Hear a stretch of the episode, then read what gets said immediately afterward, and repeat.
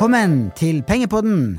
Nå skal dere få høre paneldebatten fra forrige ukes Pengepodden live kundearrangement. Deltakere er investor Peter Herman Ruud, investeringsdirektør i Nordea Robert Ness og Nordnetts analytiker Roger Berntsen. Jeg, Bjørn Erik Settem, er ordstyrer.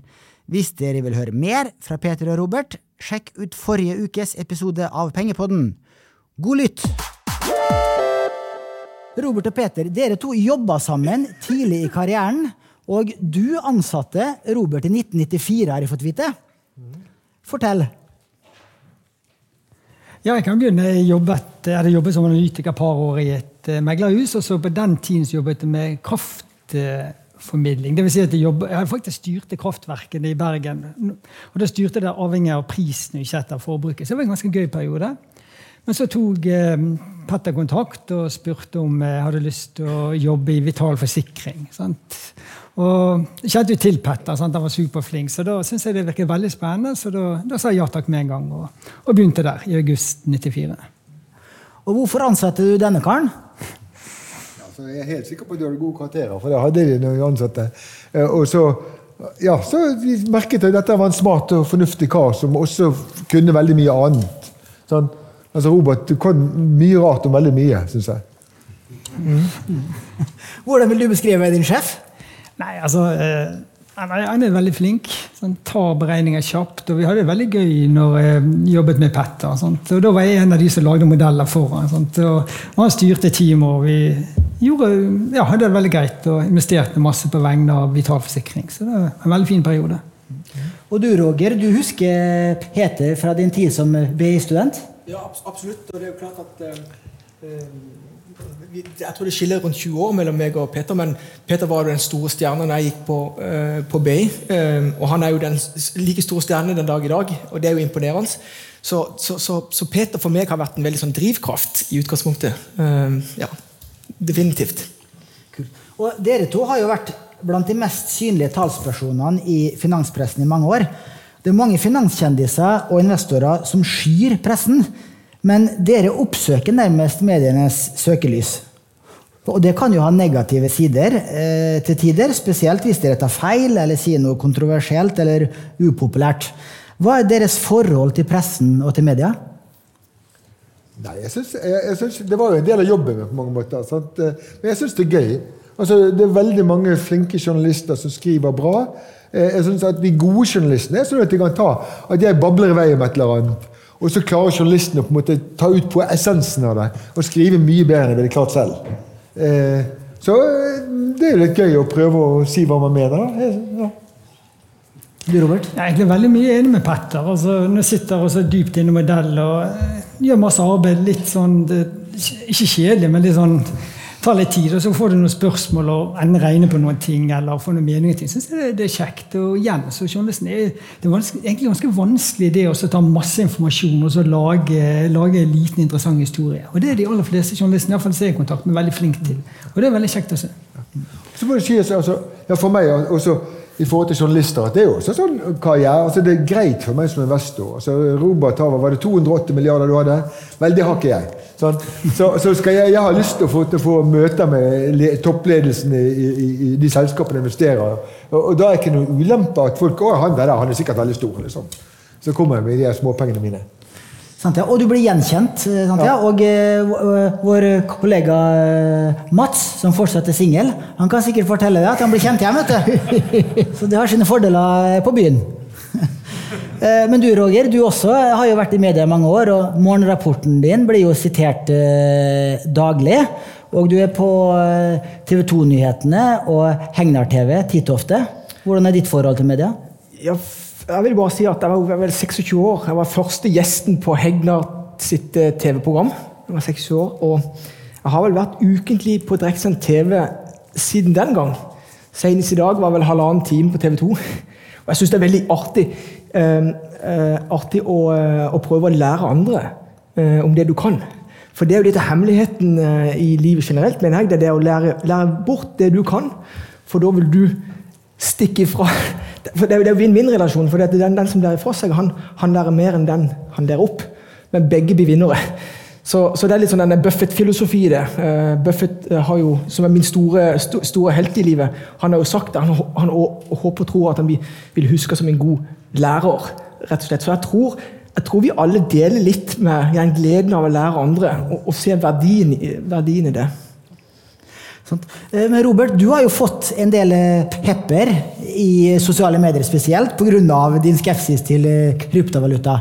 Det kan ikke være like artig bestandig. Nei, altså klart, Noen ganger så ble det litt sånn hektisk, ble litt uoversiktlig på Twitter når det var så mye som var, så var, så mye som var negativt. Eh, Min sønn sa du må være litt forsiktig, du kan ikke stole på de folkene. Men, eh, men det, faktisk, det, er, det er kun vært på Twitter. Altså, Det er ingen som kom bort med sånn personlig og, og sagt noe negativt i forhold til, eh, i forhold til krypto. Nei, det, det er kun egentlig utelukkende på Twitter. Så da ja, fungerer det egentlig helt greit. Men du er jo eh, aktiv i sosiale medier selv, og i media veldig ofte. Eh, I tillegg så har du en eh, side hustle med at du driver med bilimport. Mm. og i tillegg forvalter du 280 milliarder kroner. Eh, kjeder du deg på jobben som forvalter, eller? Nei, men jeg tror jeg er rimelig effektiv. sant? Eh, Det er sånn mønster med hverdagen. Jeg står opp i halv syv, og så tar jeg på meg joggeskoene, og så har jeg en time til jobb hvor jeg hører på ulike podkaster. Da laster jeg ned en podkast enten litt før i løpet eller dagen før og prøver å lære meg på noe nytt. Så gjør jeg det samme tilbake igjen og løper hjem i fem-seks-tiden. Og så er jeg på jobb og får gjort litt der. Så da får føler jeg får litt ut av tiden. Men Bjørn, jeg må skyte, altså, Sa ikke du at du brukte chat eh, GPT for å drive den importbusinessen? Jo, til å få igjen eh, Det er gjort det siste året jeg får få igjen, eh, igjen penger de skylder meg. Så. Så så selvfølgelig bløffet litt. også, sånn at Jeg later som med Min sønn han er doktorgrad, men har ikke noe med jurist å gjøre. Men tyskerne er opptatt av sånne ting, så da bruker jeg hans navn. da. For da er det enda raskere å betale tilbake. Eh, og du eh, heter du, er en veldig eh, travel mann. Da vi eh, skulle ha en forsamtale på telefon før i dag, så måtte vi ringe tilbake tre ganger, for du fikk en annen telefon, og ditt og datt. Og det minner meg om da jeg hadde en lignende samtale med eh, Arne Fredli i fjor. Det var umulig å fullføre en samtale, for dere får jo samtale inn hele tiden. Fra meglere og analytikere og journalister. Så hvor- hvor- hvordan er det å ha en så hektisk hverdag? Ja. Nei, jeg syns jo det er gøy. Det sikkert, altså, de fleste ville sikkert synes det var forferdelig slitsomt, men jeg syns egentlig jeg lever igjen når det skjer ting. liksom. Så bra. Ehm, dere er i hvert fall flinke til å ta vare på helsa. Dere eh, trener mye begge to. Er det eh, nesten en forutsetning for å ha en så stressende jobb som dere har? Jeg tror i hvert fall det er veldig god avkobling. For selv om resultatene har vært greie over tid, så er det liksom sånn eh, de fleste dagene så er det alltid en eller annen ting som har gått litt feil vei. En handel som ikke går så bra, eller en avkastning ikke så bra. Så det er egentlig veldig greit å ha en løpetur, og så alt er vekk igjen. Så. Jeg vet ikke eh, Jeg vet ikke hvor viktig det egentlig er. Jeg har aldri prøvd å ikke trene, så jeg, vet, jeg kan ikke sammenligne det. Så Jeg tipper det er bra. Vi har noe å hente der, Roger. Ja, vi har det, men til, til, til syvende og og det er jo det viktige moment for, for i alle fall som investorer. De fleste her er jo Vi sitter jo her fordi vi har en, en, en, felles interesse i det å, å gjøre gode investeringer. Men det som kalles for rentes renteeffekten, compound interest eh, Du må jo leve lenge for å dra nytte av den. Og, og da er jo helt i bånn ligger jo da helsa di. Så hvis vi skal bli 100 år for å dra nytte av den, så må vi jo trene. Um, og det tror jeg ja, jeg, jeg har vel også inntrykk av at det er Peter som er eh, leder an i den løypa på trening. Det er det. Eh, hvis dere skulle begynne jobbkarrieren på nytt, hva ville dere da gjort annerledes? Start med Peter Petter. Jeg tenkte på, altså, jeg har tenkt mange ganger at jeg tror jeg kunne likt å være professor også. Professor i finans. Altså En del av det, at Du snakket om å lære bort ting. Jeg er ikke noe god tror jeg, til å lære bort det som folkeskoleelever. Men jeg tror jeg er ganske god. Jeg liker å prøve å lære flinke folk spennende ting som jeg syns er spennende. Og jeg tror også i professorting å finne på noen helt nye teorier, faktisk. Det tror jeg jeg syns var gøy. Nye konsepter. Sant? Robert? Nei, altså Jeg tror at jeg er heldig som har hatt de jobbene jeg har. Sant? Skulle gjort noe annet, så er det egentlig mer i forhold til programmering. sitt og lage noen gøye, gøye ting. Så Jeg driver og programmerer på fritiden nå. Sant? Syns det er veldig, veldig kjekt. Roger, har du eh, tenkt For, tanken? for, for min del er jeg helt avgjørende. Altså, jeg er jo hobbyprogrammerer og har vært det i all tid. Den morgenrapporten som, som jeg skriver, står opp klokka fem om morgenen. det er klart at Jeg har jo programmert utrolig mye. og Jeg tror det er name of the game i dag. Det er faktisk å være litt hobbyprogrammerer for å lykkes i alle, alle typer bransjer. Men, men, men i, i forhold til, til, til våre, våre gjester her, så er jo jeg bare Jeg driver med ør- ørkenvandring. Jeg er jo ikke kommet dit hvor jeg kan reflektere over jeg skal, hva jeg skal gjort noe annerledes i livet. Um, jeg har en amb store ambisjoner om, om å bli, bli best mulig på, på, på å gjøre investeringer. Eh, Jeg og Robert snakka en del om uh, kunstig, kunstig intelligens i sted. Jeg vil gjerne høre med deg, Peter. Uh, Hva tenker du om uh, konsekvensene som kunstig intelligens nå er i ferd med å få for finansmarkedet, næringsliv og befolkning? Ja. Altså, det er overbevist om at det er riktig, de som sier at dette er kjempesvært. Alle de, de smarte mener at dette blir enormt viktig. Eh, og så bryr jeg meg ikke så veldig mye om hvor viktig det er for økonomisk vekst. For det, økonomisk vekst totalt sett det er ikke det som er tema, men det kommer til å forandre Først alt, det kan forandre måter å analysere på. Altså måte, Min måte å vurdere selskapene på. Så jeg prøver å lære meg å bruke ChatGPT og det som kommer etter, for å skaffe informasjon og behandle informasjon på en smartere måte. Og Det kommer til å forandre det er det ene, det kommer til å forandre konkurranseflater mange steder. Det er mange ting hvor man har vært god på før, og så kommer kunstig intelligens, og da klarer du ikke å tjene penger på det mer. Altså jeg, jeg elsker å tenke på når jeg jobbet i meglerbransjen i gamle dager, så folk satt og tradet og leste kursmønster, tror jeg sa det i sted også, eh, så var det noe du kunne drive med da, men det er ikke noe vits i, for det, det der er maskinene bedre på, og de blir enda bedre. Så de kommer til å spise seg inn på ting, og du må forstå hvor er det maskinene kommer inn, og hvor er det du bare må unngå å konkurrere med dem, og hvor kan du bruke dem. Vi har en venn i salen her som jobber med teknisk analyse, så han bør kanskje legge merke til det. At det er enda vanskeligere nå å slå markedet med teknisk analyse, mener du? Ja. Kanskje hvis du i tillegg til masse annen informasjon at du kan bruke til noe, men det er vanskelig, altså. For de er så gode på det. Roger, du har jo fått en ny eh, eh, bestevenn. Du har jo sagt i eh, hengepodden at du snakker en time hver dag med eh, chat-GPT. Ja, når jeg får ny bestevenn, altså, det er jo ekstremt, for jeg har jo ikke så mange venner fra før. så Det, det, det, det, gjør litt, og helt, helt åpenbart. altså Jeg har sagt én time, men jeg gjør ikke det. Jeg snakker utrolig mye med ChatGTP. Jeg prøver å bli bedre på det jeg allerede er god på.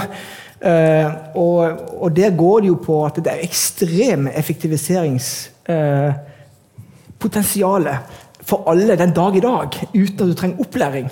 Eh, men, men, og, og jeg som den samtalen du, du, du fører du, du må jo behandle han som en venn òg. og være streng med han når han er dårlig. For han gjør det. Det er ikke, det er ikke alle formler alle beregninger som er like gode. Så, da, da, så, så du, du får et sånn et eh, Jeg er jo født uten følelse, men du får et følelsesmessig forhold til, til uh, chat-GPT. La det være sagt, Jeg er opptatt av én ting. Endgame på alt. Du må gjøre som Einstein, du må tenke, mot, tenke motsatt. Hvor er det dette ender? Jeg tror at ChatGPT er bare starten på noe som kommer til å bli like ekstremt for verdensøkonomien som når Kina ble med i WTO i sin tid. Hvor det ble enormt deflatorisk press. Tiår på tiår på tiår. Eh, Jeg tror energibehovet kommer til å reduseres betydelig pga. effektivisering knyttet til chat GTP eller kunstig intelligens. Så, så jeg er den optimistiske her, eh, rett og slett. Så, og, og, og om så er tilfellet, så vil, eh, så vil eh, mindsetet til utrolig mange måtte, måtte endres. Du er litt i samme leir, Robert. Du eh, tror at det vil føre til eh, større økonomisk vekst, og at vi ikke kanskje får den resesjonen som mange snakker om. Ja, jeg tror gjerne det. For det første kommer det opp nye produkter som kan hjelpe på salget for noen bedrifter. Og for det andre så hvis du øker produktiviteten med 10% hvis du får 10% lavere lønnskostnader Tar du alle de globale selskapene da, så, så blir det rundt faktisk 10% høyere inntjening. Så det hjelper absolutt. Det? Jeg tenker at mye av det der kommer til å nulles ut. Altså, det er noe med konkurranse mellom bedriftene hindrer at de klarer å tjene så mye mer enn før. uansett. At jeg tror at den gevinsten der kommer til å ende opp hos forbrukerne. Altså, det er bare at Vi blir alle litt rikere. Hvis vi blir mer effektive, så blir vi alle litt rikere. Akkurat som Internett gjorde, eller motoren gjorde, eller fabrikken gjorde, eller vevemaskinen. eller Du kan gå langt tilbake igjen. Det ender ikke opp hos bare de som sitter med det. Det ender opp hos oss alle, tror jeg. Men, men det er jo en foreløpig analyse, dette. Og jeg tror altså, Når det gjelder deflatorisk press Jeg tviler litt på det. Altså, om, om, om, jeg tror linken er litt langt fra det til deflasjon. Høyere vekst, ja. Men, jeg tror alltid at inflasjon kan komme. Det dreier seg mer om at vi tillater arbeidsmarkedet å bli for stramt, tror jeg. Det er min modell. Ellers har jeg lyst til å nevne Bill Gates i den sammenhengen. For han har jo blitt spørs, stilt spørsmål om dette opp gjennom årene. Og Jeg var jo heldig å treffe Bill Gates en gang òg, men han sa bare det at det er ikke noe problem for det at de som Den effektiviseringen, altså de må jo bare betale skatt. Eh, mange har jo lyst til å ha jobbe ha, ha- halve dagen, har de ikke det? Robotene må betale skatt. Ja, betale skatt, ja. Så, um, så jeg, men nok en gang, jeg liker å ha en optimistisk syn på det. I, i, og det er jo en sånn, litt sånn arrestasjon på det kryptojaget ditt, Bjørn Erik. Det er det at Hvis verdens eller betalingssystemet kollapser, har vi, gidder vi å være her da? Eh, Det er spørsmålet. Så, så jeg, jeg prøver å være litt optimist eh, med tanke på ChatGPT, eh, og ikke være i denne Elon Musk-sporet. For, for han, han sprer jo litt frykt nå på at uh, dette her er ille. Så jeg prøver å ta litt distanse fra det. Eh, Dere fortalte litt om investeringsstrategien deres uh, før pausa. Dere har ganske lik investeringsstrategi. Dere liker å regne på at selskapet er verdt. Dere har uh, en eh, verdihilt. Eh, men så jeg, jeg forsøkte å finne eh, forskjeller i investeringsstil og, eller et område, sektor, aksje, hvor dere var uenige. Men det var jaggu ikke lett. Men eh, eh, Robert sa at det er mulig at vi har et litt ulikt syn på norske banker. Fordi at du, Robert, har jo eh, investert i eh, mange norske bankaksjer, og da særlig sparebanker. Mens du, Peter, du har ikke noe særlig bankaksjer i porteføljen din. Jeg har jo faktisk en del norske sparebanker. Du har det, ja, du har ikke ja, bare- du har ikke snakka om det i media.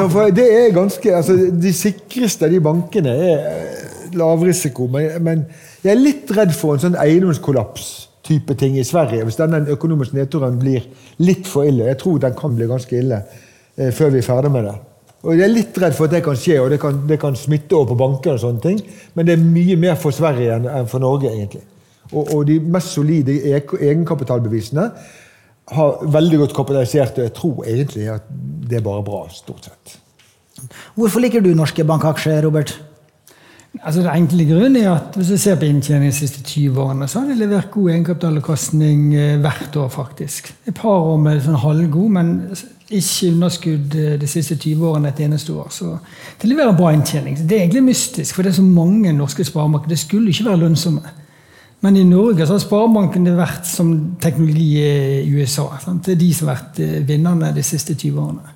Det er ikke sikkert det er grunnen til at det blir det fremover, men, eh, men det liker jeg når de sparebanksjefene sånn konkurrerer med hverandre. Som konkurrerer snakker de ikke om markedsandel, de bare snakker om ROE. Return on equity. Sånn, jeg har vært på middag med noen av de, og de skryter liksom Vi er best på ROE, og den andre sier ja, ja, men hadde ikke vi hatt den avsetningen der, så hadde vi vært best. Så og det er jo for, for investorer så er det det beste av alt, at de er opptatt av ROE.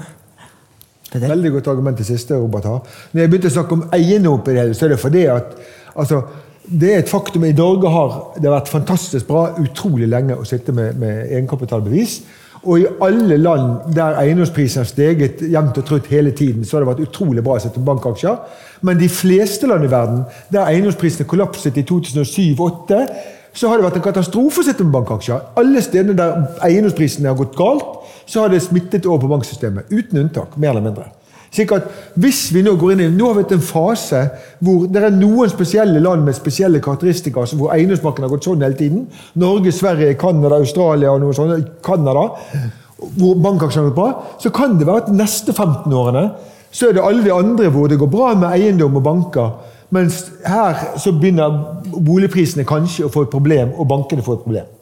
Så, så det er ikke det at det må skje, men jeg syns det er en brukbar stor nok sjanse til det. At jeg er litt sånn, at jeg er forsiktig, og mer forsiktig. Jeg pleide å ha mye mer egenkapitalbevis enn jeg har nå. Du har ingen bankaksjer i din Shareville-portefølje, Roger. Ja, men det er viktig å reflektere litt over at de fleste selskapene er jo eh, sånn, de konkurrerer mot en global aktør. Det gjør ikke banker. Eh, Sånn er det i alle land. Eh, Og, og Derfor så er jo selv en liten lokalbank er jo i norske termer er jo den veldig stor. Derfor så har han bra inntjening. og ja, du kan være trygg på at oljefondet redder hver eneste krise. Så jeg tror, jeg tror mange av de som har investert i disse bankene der, de har nok blitt redda gongongen pga. oljefondet. Eh, og så er spørsmålet det at til syvende og sist blir de bedre. Og måten de blir bedre på, at de må bli større. Så, så, så kanskje det er konsolideringsbølger og sånt må, det må akselerere litt for at du skal få ut litt ekstra verdi, tror jeg, i, i framover. Det er ja. Tillegg, altså, jeg tenker mye i tillegg. Altså, mange steder er jeg veldig opptatt av det med konsolidering og stordriftsfordeler. og være med på de som skal bli store. F.eks. elektronikkproduksjon. Men, men jeg elsker det argumentet om at, at det viktigste Hvis alle er opptatt av å vokse innenfor en bransje, så er det livsfarlig. Hvis alle skal vokse og ta markedsandeler, så er det livsfarlig. For det vil bare konkurrere lønnsomheten i hjel. Det er veldig mange grønne bransjer i dag, er det sånn, tror jeg. Mens derimot, hvis alle er opptatt av å være mest lønnsom, og, og heller er villig til å ofre litt markedsandel. Det er sånn som egenkapitalselskapene. Norsk skadeforsikring er typisk sånn. Der er det ganske deilig å være investor. altså. Og lite bevisste kunder. Det er det du også sier. Ja, Du aksepterer å miste noen kunder. Og Hvis alle, mister, hvis alle aktørene alle aksepterer å miste kunder, så mister de ikke noen flere kunder mens alle prøver å vinne kunder. Sant? Det er bare Hvis alle sier at ja, men det er ikke så farlig for meg, og alle tenker sånn, så beholder de i snitt akkurat like mange kunder, men de tjener mer penger på dem. Så det er noe med mindsetet der som er veldig viktig for om en bransje en, EM hvor man kommer til, kommer til å tjene penger. Så flybransjen er helt motsatt. Ja. Der er man opptatt av å få markedsandeler og knuse konkurrenten. Eller, hvis du husker det, vi kjøpte Jeg var ansvarlig. Brann. Fotballklubben Brann. Det er et sted du ikke skal investere. Men pensjonistene i Vital de fikk dessverre en liten andel av den også. Eh, en gang. Og, og, og det er noe med at de som investerer, de skal bare de skal kjøpe en masse rike onkler som skal kjøpe en masse spillere for å få fart på klubben. De er villige til å gå med underskudd for å øke prestisjen til f.eks. Molde by. Og Da blir det ikke noe, da er alle opptatt av å vokse i forhold til konkurrentene. Ingen er opptatt av å tjene penger, og da blir det ikke noe lønnsomhet. Heldigvis har Molde fått ny stadion Røkkeløkka før Røkke flytta til Sveits. Men eh, før vi forlater eh, banksektoren helt eh, Du eier fortsatt mye norske banker. Ja. Og renta er jo nå ble satt opp igjen i dag. Eh, Sentralbankrenta er nå på 3,25. Og eh, med økende rente så tjener gjerne bankene mer penger, for de kan øke rentenettoen. De er veldig flinke til å sette opp lånerenta, men de er ikke like flinke til å sette opp innskuddsrenta. Men inntil et visst punkt, hvis renta blir så høy at boligmarkedet knekker, så er det som du sier, Peter, da eh, kommer bankaksjene til å stupe. Er du redd for det, Robert? Altså, Det er alltid risiko med banker. Det er derfor du, når du investerer, du skal ikke bare ha én eller to aksjer, du skal ha en bred portefølje. Og For bankene så er jo eh, selvfølgelig en annen form med rentenøk er at de har mye cash sjøl. Og den får litt høyere, høyere avkastning. Men klart det er jo er vi scenario hvor økonomien er ordentlig dårlig og boligmarkedet knekker, så, så, så, så, så, hold, så kan jo bankene likevel gjøre det bra. Men hvis man forventer at det kommer til å gå dårlig, så vil kanskje kunder flytte, eller kanskje rett og slett man vil kreve en emisjon. og Så gjør man emisjon på lave kurser, og så går kursen ned. Så det er alltid en risiko. Hva tenker du? Er du redd for eh, det scenarioet? Ja, altså det, det Jeg vet ikke hva prosent Det er ikke det mest sannsynlige scenarioet, men en betydelig risiko i at vi er litt fartsblinde eh, ak akkurat i dette noen få andre land. Vi tror bare at det kan bare gå én vei, dette. Ja, det har gjort det siden eh, 1993 omtrent. Ja da, Siden jeg kjøpte min første bolig for 1,25 millioner, og den var verdt 650 000 tre år etterpå. Og dette var mens prisene steg som faderullan, så det var jo 60% realprisfall. Så jeg har jo vært med på det. Så du er en av de her få i eh, rommet som har tapt penger på norsk eiendom. Ja. Du òg kanskje, Robert? Nei, jeg kjøpte først i 1990, og da var det allerede kommet, eh, kommet ned. Så, så, så jeg har flaks der. Sant. Eh, Du, Peter, sa før pausen at du hadde ikke hatt så hell med shorting-strategien din hittil, så du må eh, henke mer eh, på den gjennom sommeren. Du, Robert, du er jo en long only-forvalter. Du har ikke lov å shorte aksjer. Kunne du tenke deg, hadde vært fristende å hatt den muligheten innimellom, og tror du at du hadde fått høyere avkastning da ved å ha den frihetsgraden? Ja, det var en kunde som faktisk spurte om vi kunne prøve å sette opp en portefølje hvor de aksjene vi som var dårligst på modeller, og så shortet de. Og så regnet jeg på det, og da, da var det ikke noe så overbevisende regnestykke. Fordi at de aksjene ikke liker de mer risikable aksjene. Over tid gjør de det dårlig, men så i kortere perioder gjør de vanvittig bra. Og da er det veldig dyrt å shorte. Så jeg har egentlig innsett at den måten jeg analyserer aksjer på, den egner seg ikke til å drive shorting. Sånn, da må jeg ha et annet fokus. Da må det nok ha med en eller annen sånn newsflow eller vite en eller annen hendelse skal komme. Sånn, det er ikke den måten jeg jobber på og har noe innsikt i. Så da, så da passer det at jeg ikke shorter, egentlig. Og du Peter, shorter du bare enkeltaksjer, eller shorter du også indekser? Ja, jeg har shortet indeks én gang, og jeg er veldig nære på å shorte indeks en gang til nå. Eh, og da som en, mer en som forsikring. Altså Jeg har lyst til å beholde de aksjene jeg har, men så forsikrer jeg meg mot et kursfall gjennom at jeg shorter. Altså Jeg har shortet sånn 20-25% av det. La oss si jeg eide 100 da i aksjer. liksom. Så shortet jeg for 25 omtrent. Underliggende eksponering. Eh, og så jeg, de gikk ut i fjor høst. Og det var ganske heldig med timingen, så det ble litt gevinst på det. Men det, det gjør jeg mest som en bare forsikring mot et stort børsfall. Og jeg tenker at det er en ganske bra sjanse for at dette blir litt som 2000-2003, med krakk. Første smellen kom på høsten 2001, og så kommer en ny og mye verre smell høsten 2002. Og så kommer det en enda en 2003 på våren. Og at det kan komme noe sånt, at vi går inn i en ny smell nå. Og jeg har lyst til å ha litt forsikring mot det scenarioet. Roger, har, har du lyst til å shorte aksjer innimellom? Oh, det, dette er et bra spørsmål. Uh, nei, overhodet ikke. Men det er mange måter å dvele på det. Spital han sier jo at alle skal gå i null. Sant? At alle aksjer skal gå i null ja, ja, før eller senere? Han, har jo rett i det, for vi skal alle dø. Et selskap er som en organisme. Uh, og vi var inne på det, det er noen få som stikker av med brorparten av investeringer. Men det ligger ikke i min natur å spekulere i at andre skal dø.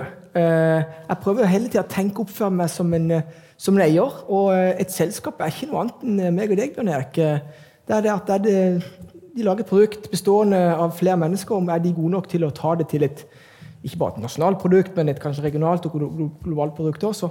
Så jeg, jeg er bare sånn generelt motstander av shorting. Men shorting har en virkelig eh, eh effekt i markedet der det går på arbitrasje. Altså når det er åpenbare pri, altså, pri, prisforskjeller på, på identiske ting, så, så, så, shorting er, er, bra at det fins. Eh, jeg, jeg, jeg, shorter aldri, eh, og kommer ikke til å shorte heller.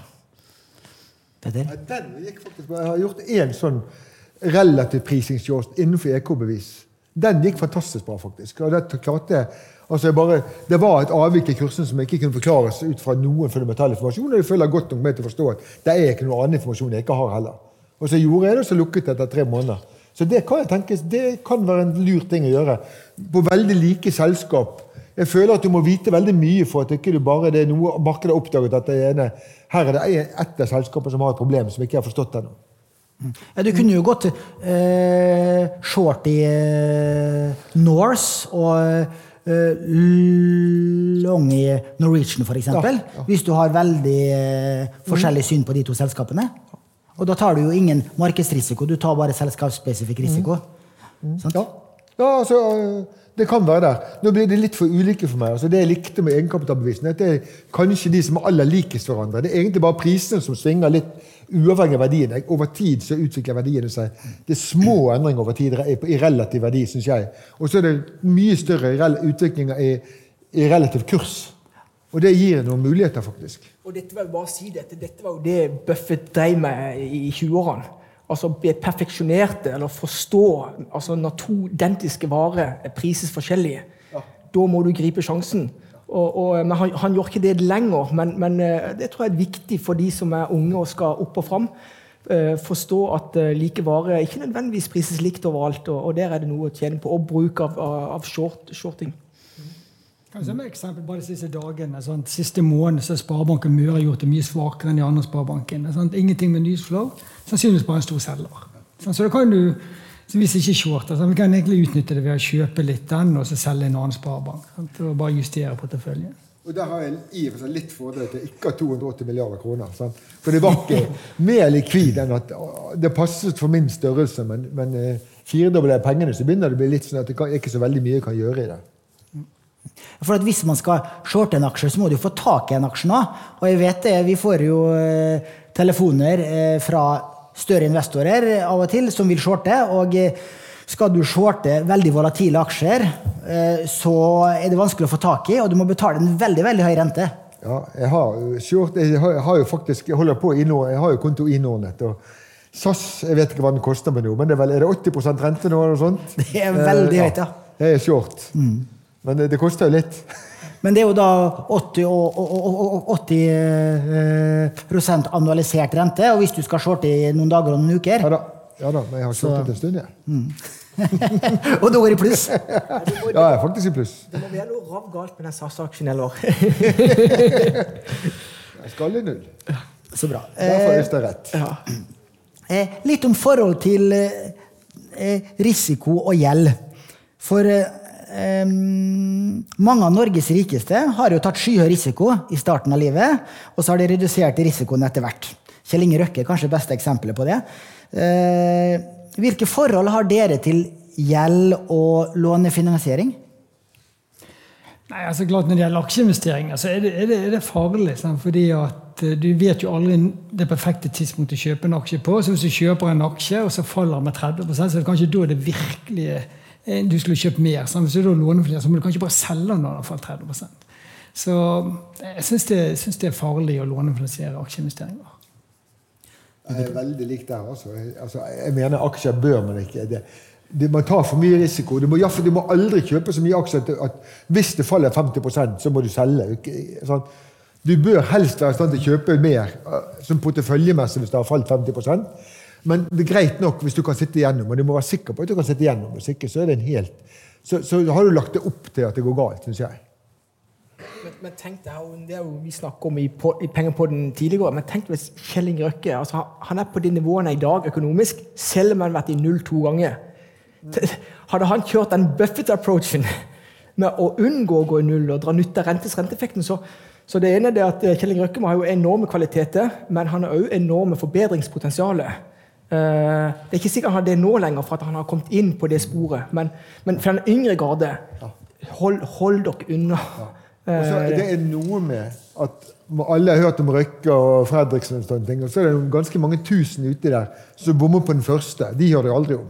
De som bommer på den andre, hører det heller aldri om. Eller på den tredje, heller aldri. Sant? Det er litt som å gå på kasino. Sende 10 000 mann inn på kasino i Monte Carlo, og så etter fire dager så kommer du tre mann igjen som har satt på rødt og hvitt og så sort med det om og om igjen, og så plutselig milliardærer. Og det er de de hører. Fy faen, jeg må på kasino i Conte Carlo og sette penger. Godt poeng. Da skal vi bruke resten av tida, et kvarters tid, på å snakke om markedsutsikter og favorittaksjer. For eh, i eh, går så satte jo det amerikanske sentralbanken opp styringsrenta til 5 og 5,25% som eh, forventa. Og i dag fulgte jo Norges Bank opp. Og da vi har den høyeste sentralbankrenta siden 2008 her til lands. Og eh, rentene de økes som kjent for å dempe den høye inflasjonen. Og nå får du jo rundt 4% avkastning i et norsk likviditetsfond, som er tilnærmet like sikkert som bankinnskudd. Eh, Tror dere du vil få høyere avkastning enn de risikofrie 4% på Oslo Børs og i det globale aksjemarkedet det neste året. året? Kan starte med deg, Robert. Det, det er egentlig vanskelige punktestimat på, eh, på, på, på et år. Si fem år, da, hvis det er ja, fem år, ja. Jeg tror aksjer vil, eh, vil gjøre det bedre. At, eh, fordi at altså, selskapene har en god avkastning på egenkapitalen. Og, og det, vil, det vil egentlig typisk gjøre at du får god avkastning som investor. Så fem år er heller ikke garantert. Men, eh, men hvis jeg skulle satt penger nå og først brukt dem om fem år, så ville jeg definitivt fokusert fokusere på aksjer og ikke på renter. ganske lik. Eh, Jeg syns utsiktene er dårligere enn vanlig nå. Det er de. Men, men, men det er faktisk sånn at jeg er veldig ydmyk for at det, er forferdelig vanskelig å si om de skal opp eller ned. tross alt. Eh, eh, Og det viktigste, det jeg vet mest om, det er at jo lenger du har det, jo mer sannsynlighet for at hvis jeg bare sitter med aksjer hele tiden, så er det mye bedre enn å gjøre det motsatte. Så de som alltid skal ha penger i banken, de taper. Og da vil jeg heller bare Jeg føler at jeg sitter og har litt bedre odds hvis jeg spiller på, på der oddsen er best. Og det å være lange aksjer. Selv om jeg syns utsiktene Jeg syns det er en god, mye større risiko enn vanlig for en ordentlig smell til høsten, f.eks. Men du sitter fullinvestert likevel, selv om du tror på en ordentlig smell litt lengre frem i veien? Ja. Det, jeg tenker å forsikre meg mot en del av det. Litt er nok det at jeg har vel et, Som alle andre som har gjort det bra en kort periode, så begynner du å tro at du kan dette. sant? Og så, så tenker jeg at ja, mine aksjer skal nok gå bra, selv om markedet går ned. Sant? Hva tenker du, Roger? Jeg, jeg tenker altså, Er du usikker uh, generelt, og det er jo vel folk flest, tror jeg, uh, da skal du gjøre det som er i alle fall sikkert. Det er å investere i seg sjøl. Hvis det er deg sjøl. Det er å bli bedre på det du allerede er god på. eh, Tilegne deg kunnskap. I dag, Du var inne på det med, med podkastet. Måter å lære på. Jeg, jeg, jeg reklamerer veldig for lydbøker. Uh, og kombiner, det. Så, så bruk tida til å forstå ting med, med, med å lære eh, på, på en god måte. Og hvis du gjør det de neste fem årene, så tror jeg at du som de økonomiske forholdene dine òg blir bedre.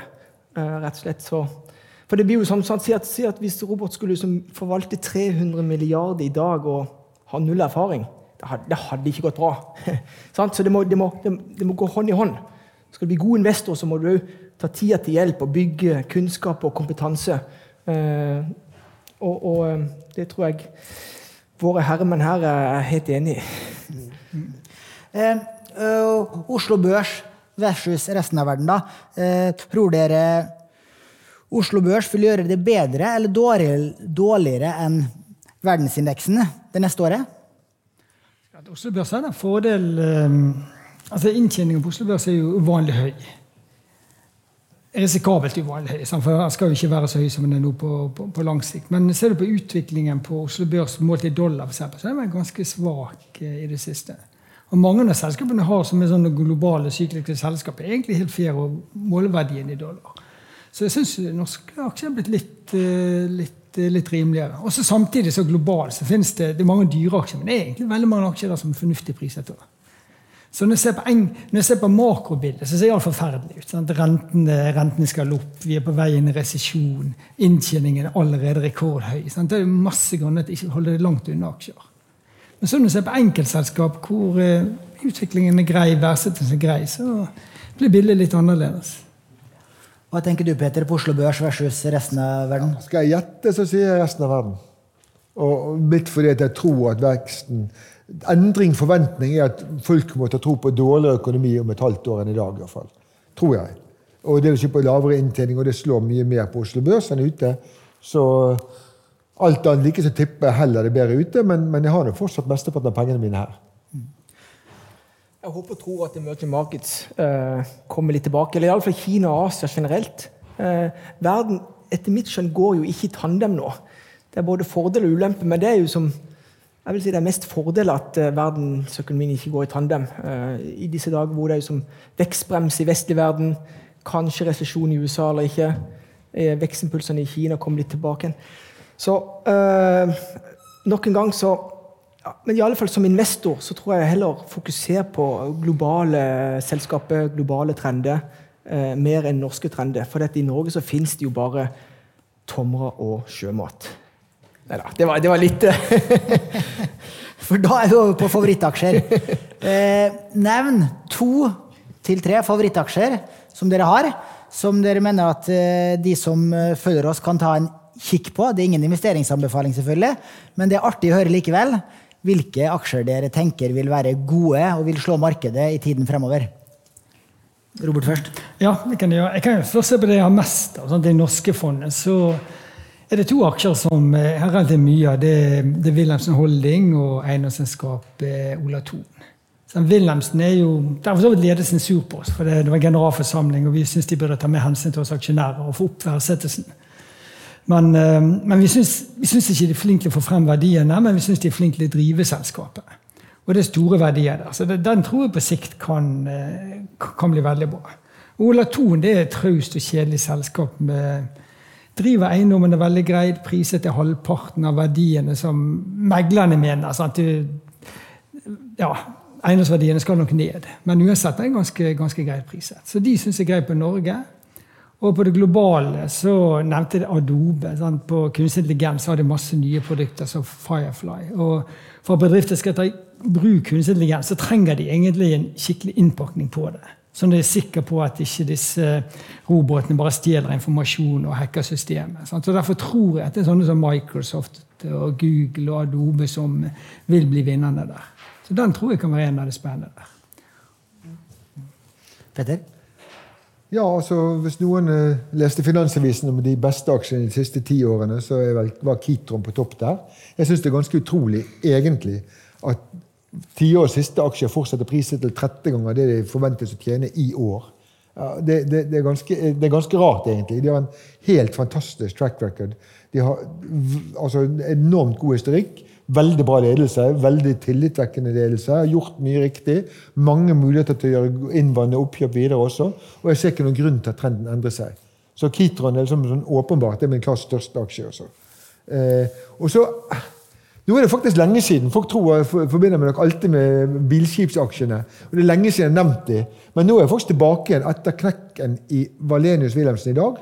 Så tror jeg faktisk det der er for mye. Jeg tror at endringer, Nå, nå sitter folk og tenker at nå knekker, nå knekker det i bilskip, og så gjør det ikke det. Det var et jævla dårlig kvartal.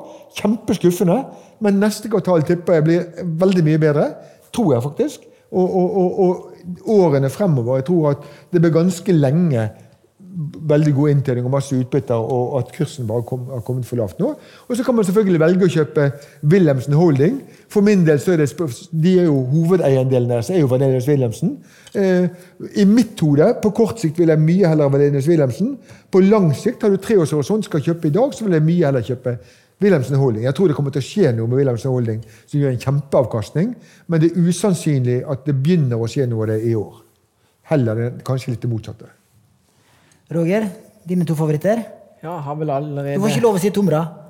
Ok. men, men eh, jeg, vil, jeg, vil, spille litt på Olav Thon. og sånn. Jeg har jo hatt den gleden av å, å, å eh, være på kontor i samme bygg som Olav Thon i 14 år, så jeg traff han av og til i heisen. Men eh, når jeg, og jeg, jeg, tror, det er sikkert, jeg tror ikke det er noen fornærmelse, i alle fall ikke jeg det hvis jeg blir kalt nerd, men vi er vel litt nerdete alle mann her. Måten jeg analyserte sjømataksjene på eh, back in days når jeg jobbet i Nettfond så hadde kontor der Olav Thon har kontor, det var at han er jo veldig prisbevisst. Eh, så når det bugner av, eh, av, røkelaks på kantina hos Olav Thon, da vet vi at eh, da har eh, lakseprisen bunnet ut. Traff hver gang. Hver bi, sant? Så du, du, du skjønner at når Olav Thon det bugner på stadig høyere bunner Eh, på lakseprisen, så skjønner du at dette begynner som å få effekt. Så, så det var litt sånn, litt sånn nerdete måte å analysere eh, gulvet eh, hos disse sjømatselskapene. Men ja, definitivt. I Norge er det er vi eh, sjømatselskapene, Movi og Salma og disse her. Det er mine desiderte favoritter. Det har vært det de siste årene. og kommet ja, Nå er det mye skatteproblematikk. Eh, men legg det til side. Eh, den industrien, eh, der kommer vi til å bli eh, verdensmestere. Rett og slett. Ok, Sjømat, og så ett selskap til. Hvorfor får jeg ikke lov å nevne Tom, Tomra? Da kommer vi tilbake til én ting, for det Tomra har sin opprinnelse fra, fra tilbake i 273. Eh, de har bygd sitt eget marked. Eh, de var forut for alt som har med ESG og, og, og den type ting, iallfall miljø. Eh, så, så integriteten til, til, et selskap er opptatt av. Jeg, jeg, mener at det er ingen selskap som har høyere integritet enn Tomra. At Tomra-aksjen har falt det siste året, halvert seg, det skyldes ikke at businessen er blitt dårligere, men skyldes en og alene renteeffekter. Da kommer vi tilbake til at vi forstår hvordan renta påvirker prisene på børs. Eh, så, så, så, den har heller ikke blitt eh, ja. Og vi fleipa litt om det på, eh, på, kontoret. Det var noen som sa det at ja, men brødet koster 75 kroner. Ja, ja, da må det jo være mye som er billig på børsen. Eh, de rent, rentesensitive vekstcasene. Så jeg vet ikke. Er, men når jeg sier tomre og, og, sjømat, du skjønner det. Det, det gjør du alltid, Roger. Ja. Så bra. Vil dere kommentere eh, yt, yt, ytterligere på hverandres eh, anbefalinger? Mm. Jeg har jo nevnt min eh, erfaring med shorts. Jeg kan jo nevne at jeg mener at Tomra falt fordi det var en bombe. Det var altfor høyt priset, mener jeg. Eh, og så shortet jeg den fordi jeg mente den var altfor høyt priset, og så gikk den eh, til 650, 550 til 650 og 700, og så dekket jeg inn de greiene der. Og så kollapset den. Så det ble et bra tap. Det er, jo, en er fascinerende historie for de som har fulgt Tomra opp. eh, altså, Orkla var jo eh, hovedeier for noen år tilbake. Så de solgte det jo i sin tid. De, de, Orkla sleit jo veldig med rekkeinvesteringa si, for de som husker det. Eh, De begynte å tenke nytt, og da solgte de alle disse porteføljeselskapene, deriblant Tomra. Og da tror jeg det var pressemelding for Orkla. De, de solgte, for 20, de solgte Tomra-aksjene for 20 kroner. Og så sa de at de fikk en god pris.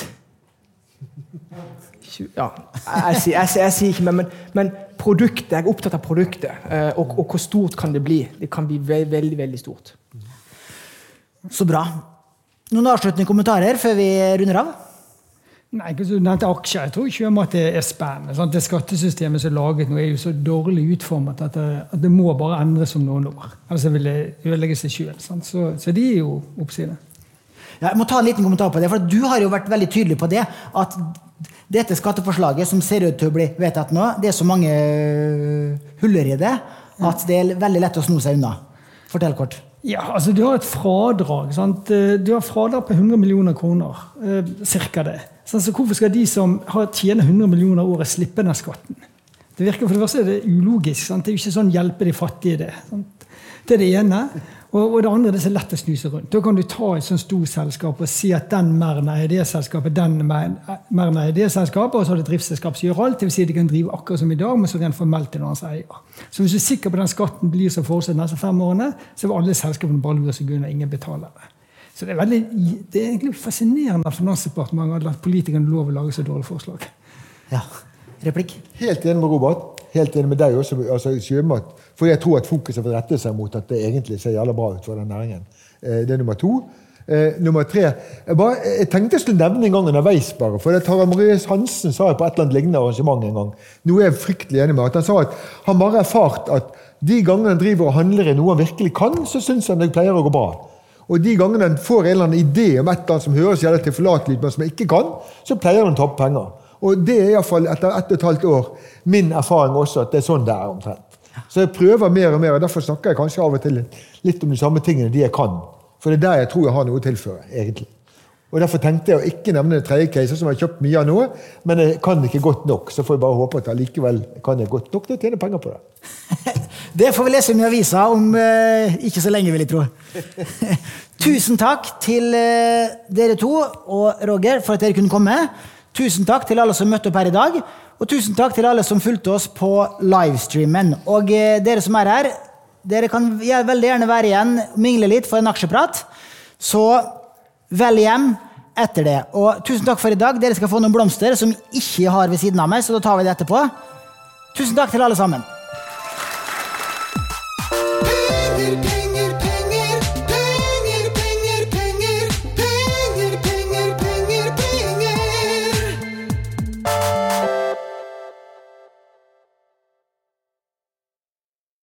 Denne podkasten skal anses som markedsføringsmateriell, og innholdet må ikke oppfattes som en investeringsanbefaling. Podkasten er kun ment til inspirasjon og informasjonsformål. Nornett tar ikke ansvar for eventuelle tap som måtte oppstå ved bruk av informasjonen i denne podkasten. Les mer på disclaimer-siden på nornett.no.